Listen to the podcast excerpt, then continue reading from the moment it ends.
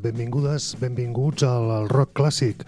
Estem a l'estudi a Ràdio Castellterçol, com tots els dijous, a partir de les 7 i 3 minuts del vespre, en directe.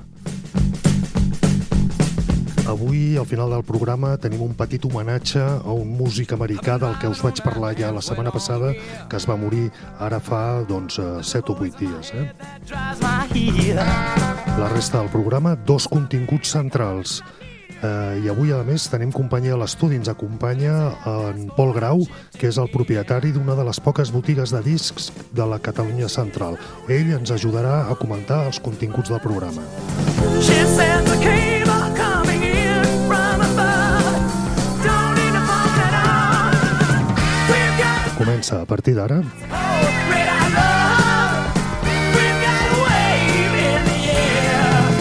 Rock clàssic.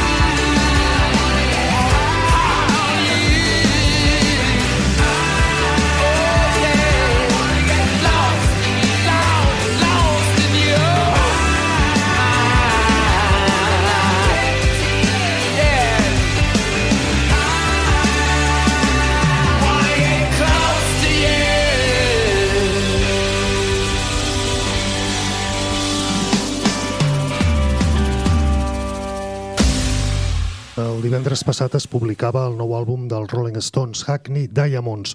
Aquest tema eh, pertany en aquest àlbum, es titula Get Close, per mi és un dels millors del, del disc i eh, té la col·laboració en aquest tema al piano de l'Elton John. N'hi ha un altre també que toca l'Elton John al piano que l'escoltarem després a la segona mitja del programa. I canviem radicalment de contingut Eh, avui fa 50 anys justos que es va publicar un dels grans àlbums històrics del rock, Quadrofènia. Estàs escoltant Rock clàssic.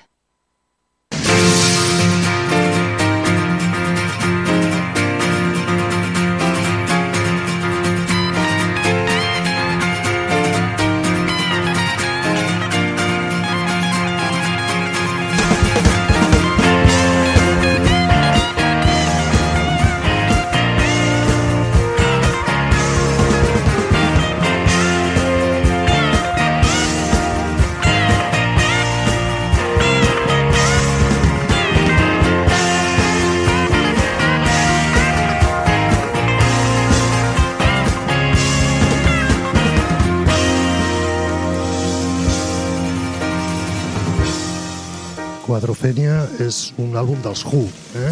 un doble àlbum conceptual i va ser la segona òpera rock d'aquesta banda anglesa després de l'òpera rock Tommy de l'any 1969. Una òpera rock, així per definir-ho ras i curt, és eh, explicar una mateixa història eh, desenvolupant-la al llarg de totes les cançons d'un àlbum. En aquest cas, un àlbum doble. Explica la història d'un noi que es diu Jimmy, eh, un jove de classe treballadora que eh, viu a la recerca de la seva pròpia autoestima i rellevància. I ell, el Jimmy, forma part de la cultura mod, és un mod. I per explicar-nos què eren els mods, us deien al sumari, tenim el plaer de tenir avui amb nosaltres, bon vespre, el Pol Grau. Bona nit. Eh, el Pol Grau és propietari d'una de les poques botigues que queden de discos a la Catalunya central. Eh? I eh, abans parlant m'explicava la, jo sempre li he dit que això de mot em costa explicar, ens ho podries explicar? Ja, a mi em costa d'entendre, però sí que recentment havia sentit no, dir que, que la, la manera de viure mot no és tant què fas, sinó que allò que fas ho facis amb estil. Per això tens aquesta dèria pel vestir bé, no? per, per tenir fer-se raó a mida, i escolta tot tipus de música, no? la música mod no està senyida a un estil concret, no, concret sinó que veu de moltes fonts. Allà on ells creuen que hi ha una espurna, no? un, una espurna d'estil.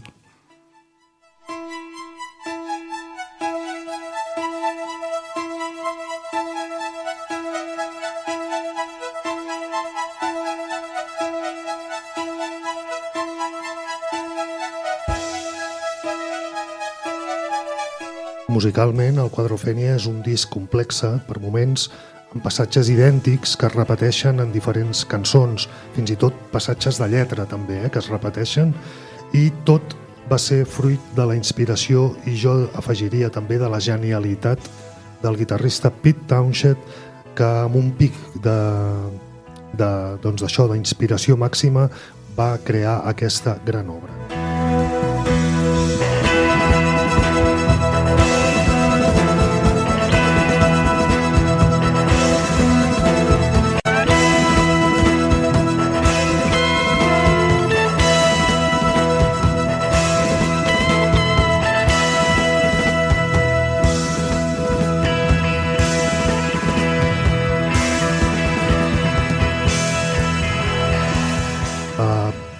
Els MOT, com bé deia el Pol, eh, bueno, sempre es parla de la ciutat de Brighton, que era com la seva meca, eh, i que eren fans dels Who i els Small Faces, que eren els dos grans grups eh, capdavanters d'aquesta nova cultura dels anys 60 que es barrejava amb altres tribus urbanes de, de la dècada.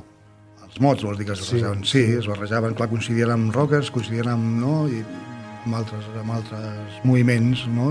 juvenils i musicals. Um, també bevien de, un dels grans referents de, dels mots són els Love, de l'Arthur Lee. No? La banda Love. La banda Love, amb Arthur Lee al capdavant, és un dels referents que normalment s'esmenta. No? Esmenta els mots com a, com a influència important.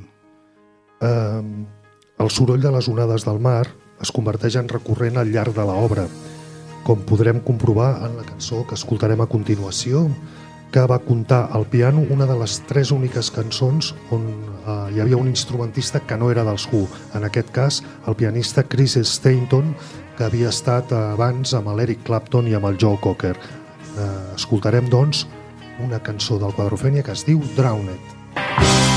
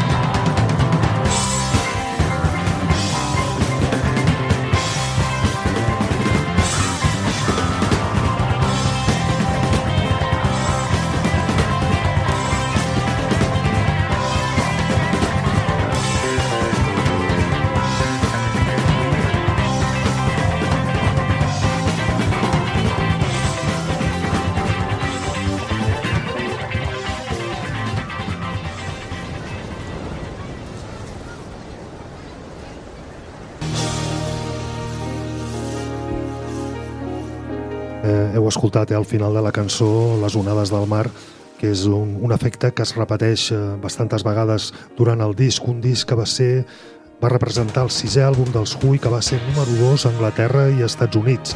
A l'hora d'anar-se'n de, de gira per presentar el disc, cosa que van fer eh, immediatament després de la publicació, el 26 d'octubre del 73, doncs van tenir un debat eh, intern a la banda perquè amb tots els efectes sonors que hi ha en el disc i l'ús dels sintetitzadors s'hi havien de portar músics addicionals.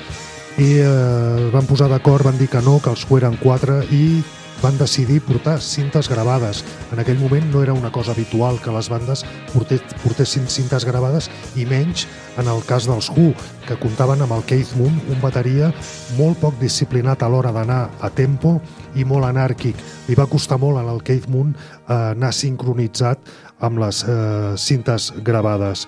En el primer concert de la gira americana, el 20 de novembre a San Francisco, el Keith Moon estava molt nerviós i un fan li va subministrar tranquil·litzants.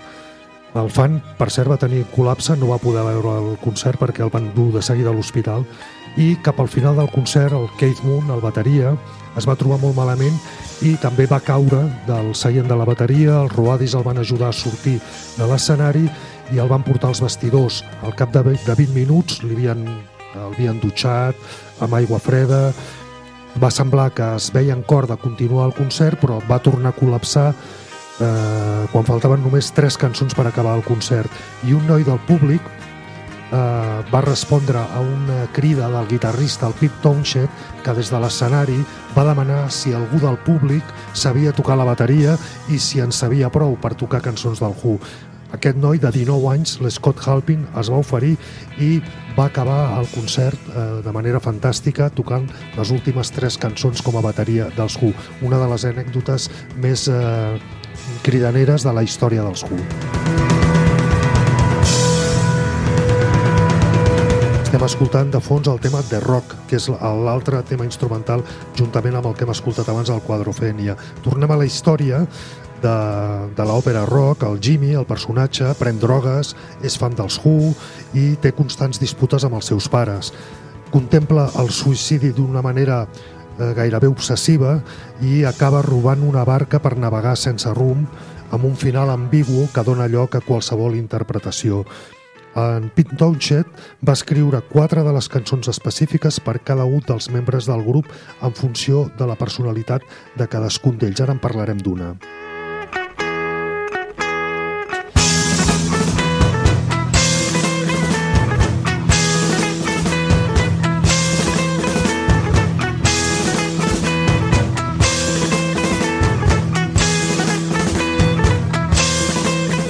Cançó que va triar que lligava amb la personalitat eh, desordenada del bateria del Kate Moon va ser una cançó que es diu Bellboy, que, que vol dir el botones d'un hotel.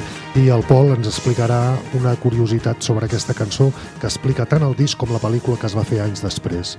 Bé, no, deixa de ser, no? El fet que el, el personatge, el Jimmy, quan se n'adona que els, un dels seus ídols, dels quals es troba a les discoteques i als llocs de trobada dels mots, no? un dels seus ídols és un treballador d'hotel, no? es desencisa tant amb, amb el moviment no? que es replanteja una mica no? el seu devenir no? i el, el seu futur més immediat. És curiós no? perquè, eh, com tu bé, molt bé expliques, doncs era com un, un líder del gang, no? Aquest, aquest que després resultava ser un botones d'hotel. Un no? líder del gang que no? de la pel·lícula posteriorment va ser interpretat per l'Sting. No? Molt bé eh, doncs escoltarem aquest tema, Bellboy, que veureu doncs, que té una participació vocal en algun moment hilarant a càrrec del Keith Moon, The Who, Bellboy.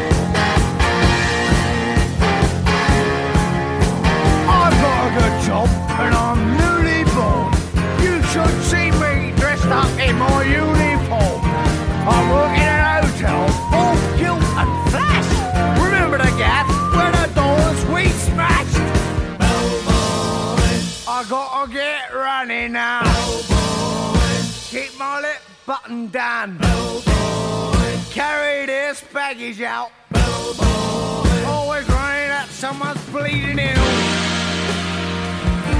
You know how I feel. Always running at someone's ill.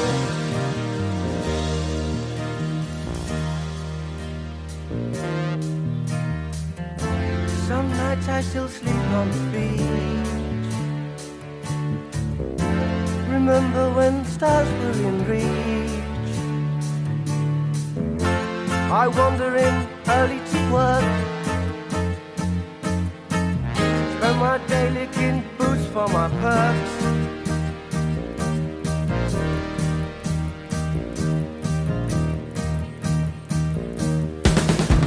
A beach is a place where a man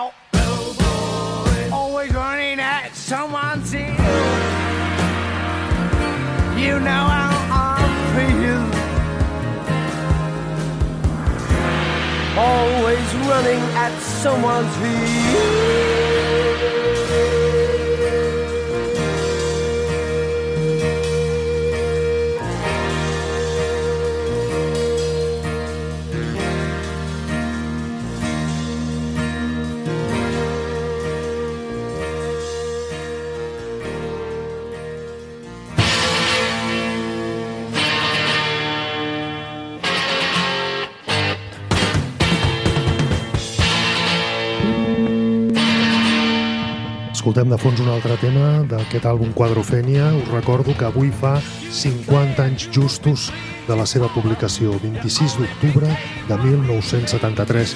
Aquest tema que escoltem de fons s'anomena The Punk and the Godfather.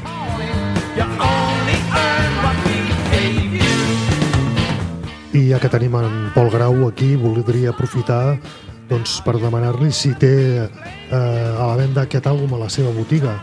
El tenim, el tenim a la venda en diferents edicions i tenim el recopilatori de la pel·lícula i el tenim en CD i en vinil. O sigui que, La botiga, per cert, que està a Mollà, a la plaça Major. amb el, mateix de, el davant mateix de l'església, sí, a la plaça Major. Eh? Mollà, la capital del Moianès, recordeu, eh?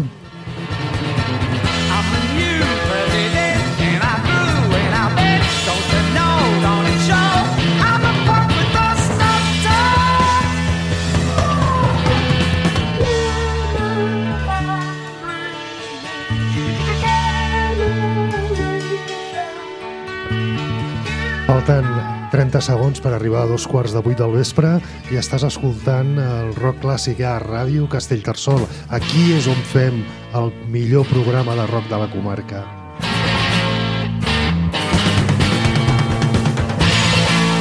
I per acabar aquest especial dels Who escoltarem el tema potser més famós de tot l'àlbum que va ser eh, publicat com a single, va arribar al número 20 de les llistes angleses i parla de com el protagonista, en Jimmy, molt drogat, agafa un tren d'un quart de sis de la tarda cap a Brighton, la meca dels mots, com us dèiem, i per això la cançó s'anomena Un quart de sis, 5.15.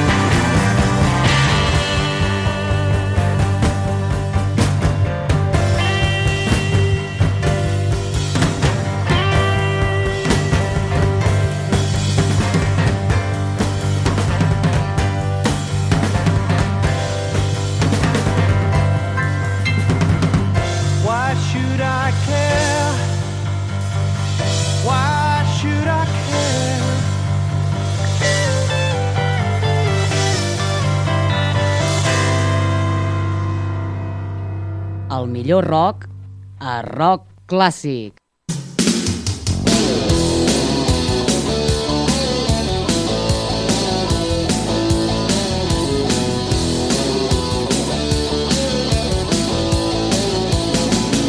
Les novetats.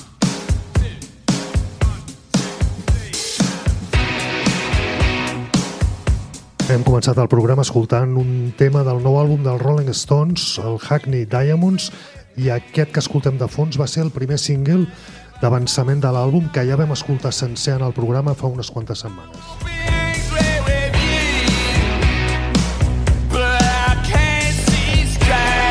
Es diu Angry, enfadat.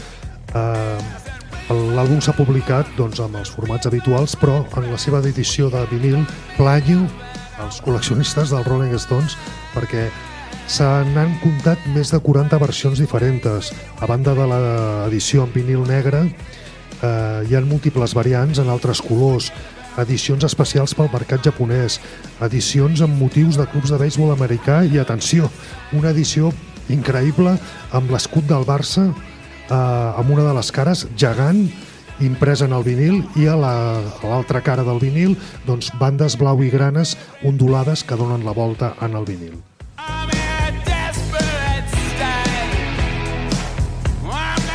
Això a banda de la famosa samarreta que tant se n'ha parlat, doncs també el Hackney Diamonds en vinil amb l'escut del Barça. Per cert, Pol, tu el, el tens a la botiga, eh? El tenim i el podem demanar en qualsevol moment si, si se'ns fa la comanda. Molt bé, molt bé. A l'edició en vinil negre... Vinil negre, sí, i amb CD. Tinc quatre formats ara mateix disponibles a Universal. D'acord. L'àlbum ha tingut molt bones crítiques, també s'ha parlat molt de que feia 18 anys i això és, eh, parla per si sol que els Stones no publicaven un àlbum amb material nou. Sí que és veritat que fa 7 anys van publicar un àlbum de versions de blues que es va anomenar Blue and Lonesome. Les crítiques, com us deia, molt bones. Hem de tenir en compte que sí, són els Stones, sí, Esprit Jove, sí, rock and roll, però tenen 80 anys.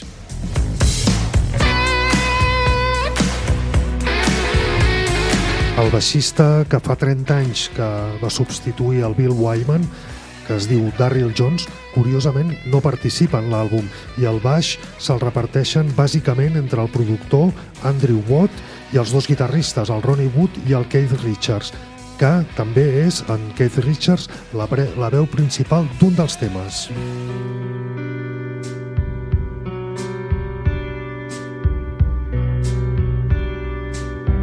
Do we have something or nothing at all? Just tell me straight.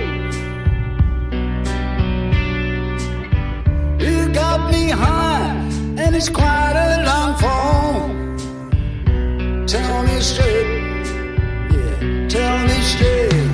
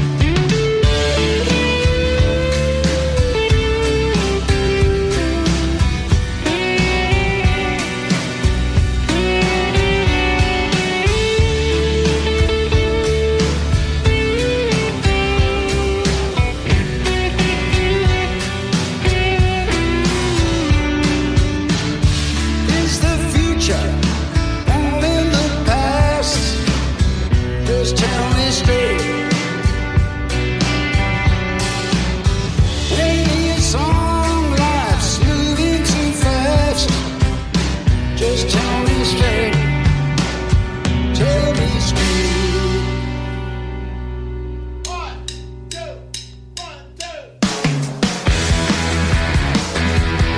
El tema que hem escoltat preciós, eh? cantat pel Keith Richards, es diu Tell Me Straight i el que escoltem de fons es diu Bite My Head Off amb una aparició estel·lar eh, històrica al baix al Paul McCartney.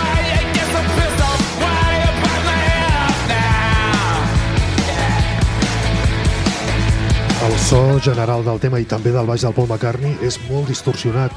Eh, diríem gairebé que és el tema punk del disc. A mi particularment no és dels temes que més m'agraden de l'àlbum. Yeah, if I was a dog, yeah, it would kick me down. I'd be spending the night. Les sessions de, de gravació van començar l'any 2020, però es van, es van haver d'aturar de seguida pel Covid i es van reprendre el 2022 i el 2023. Enmig moria el bateria Charlie Watts, que va morir el 24 d'agost del 2021. Yeah!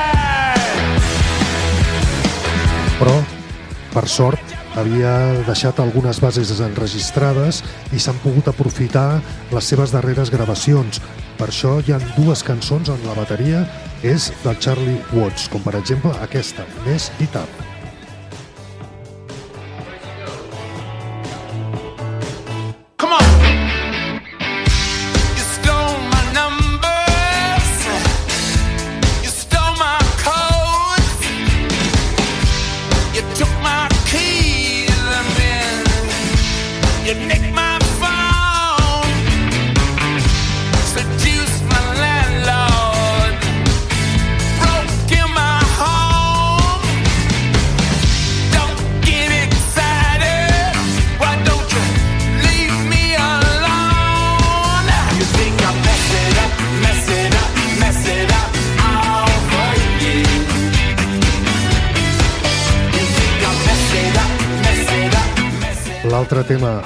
Toca el Charlie Watts, aquest es diu Més It Up, és un tema que es diu Live by the Sword, que escoltarem sencer, i atenció, també hi toca el piano l'Elton John, que és l'altre que us deia, i el Bill Wyman, el baixista original dels Rolling Stones, que per primer cop en 30 anys ha tornat a tocar amb els Stones, per, per tant tenim una cançó en aquest àlbum on hi són el Mick Jagger, el Keith Richards, el Ronnie Wood, el Charlie Watts i el Bill Wyman. Live by the Sword.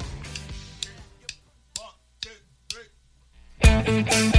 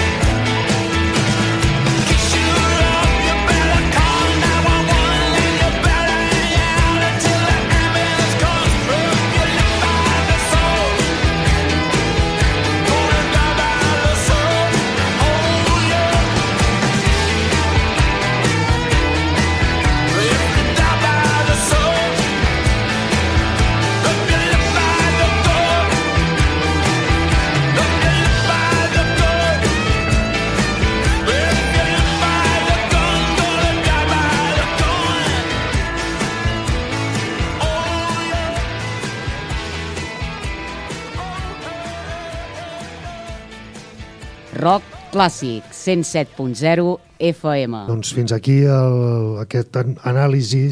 Eh, en les novetats normalment posem un tema de, de cada novetat. Avui era un dia especial perquè era aquest disc nou dels Rolling Stones, que de fet en programes posteriors encara escoltarem algun altre tema.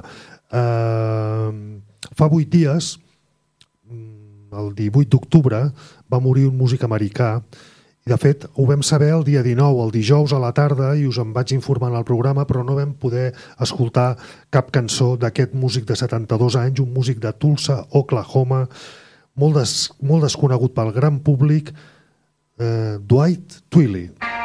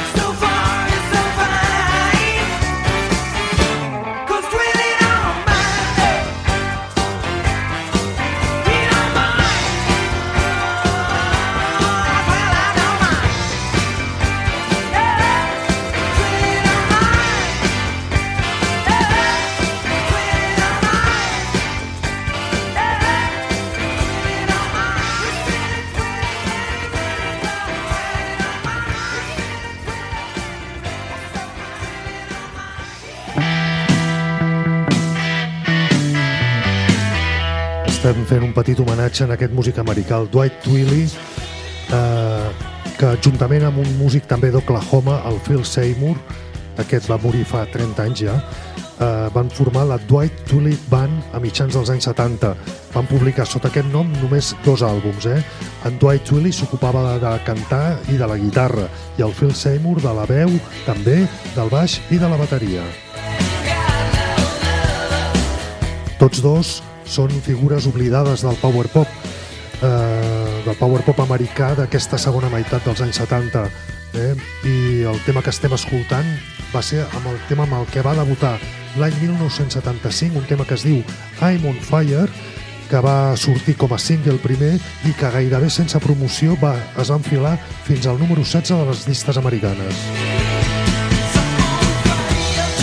Uh, Pol, això de que deia que és un músic oblidat, el Dwight Tilley, estaries d'acord?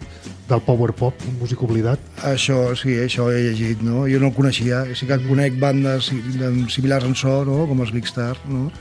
I, i, és, i diuen no? que, que és un referent a tenir en compte, no?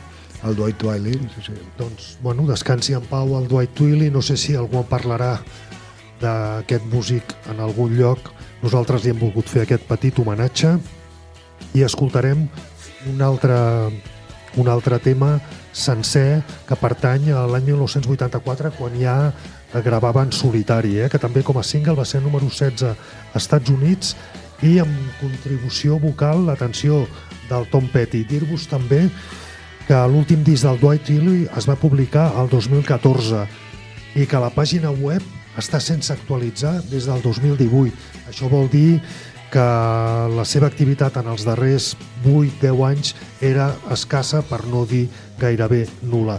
Descansi en pau Dwight Tilley amb un tema del 84 anomenat Girls.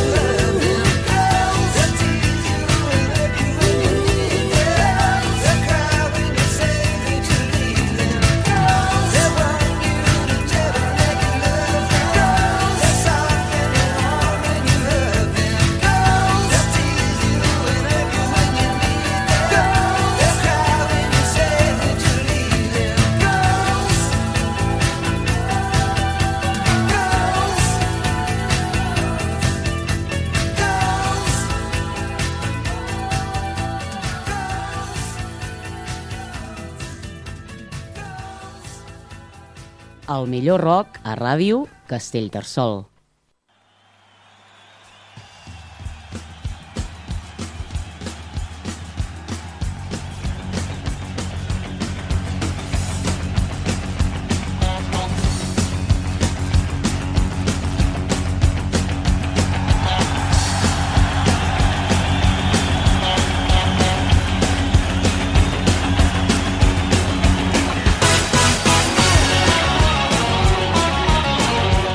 Demà passat actua al Palau Sant Jordi de Barcelona, demà passat, eh, dissabte, el Miguel Ríos en la gira del 40è aniversari del mític àlbum en directe Rock and Ríos. Un altre veterà, eh? 79 anys, el Miguel Ríos. Gràcies per estar aquí. Nosaltres us deixem amb el Miguel Rius, amb aquest eh, mític tema Bienvenidos. Us hem estat fent companyia, el Jordi Vila, des del control tècnic. Qui us parla, el Josep Anton Gaspar, i hem tingut avui el plaer de compartir aquesta hora de programa amb en Pol Grau, que és d'aquí de Castellterçol, eh? i que té aquesta botiga de discos a Mollà. I, bueno, eh, espero que ens podrem tornar a comptar amb la teva presència de tant en tant perquè ens portis alguna de les novetats més interessants que vagin apare apareixent en el mercat. Sí, i tant, i estarem encantats. D'acord, molt bé, Pol, doncs un plaer. I Moltes gràcies per reure'm. Fins la propera. A tots vosaltres, moltes gràcies per escoltar-nos i ens retrobem, si us ve de gust, dijous que ve a les 7 i 3 minuts, a on? A Ràdio Castellterçol, la millor emissora del Moianès. Hoy el rock and ríos hace para ti. A los hijos del rock and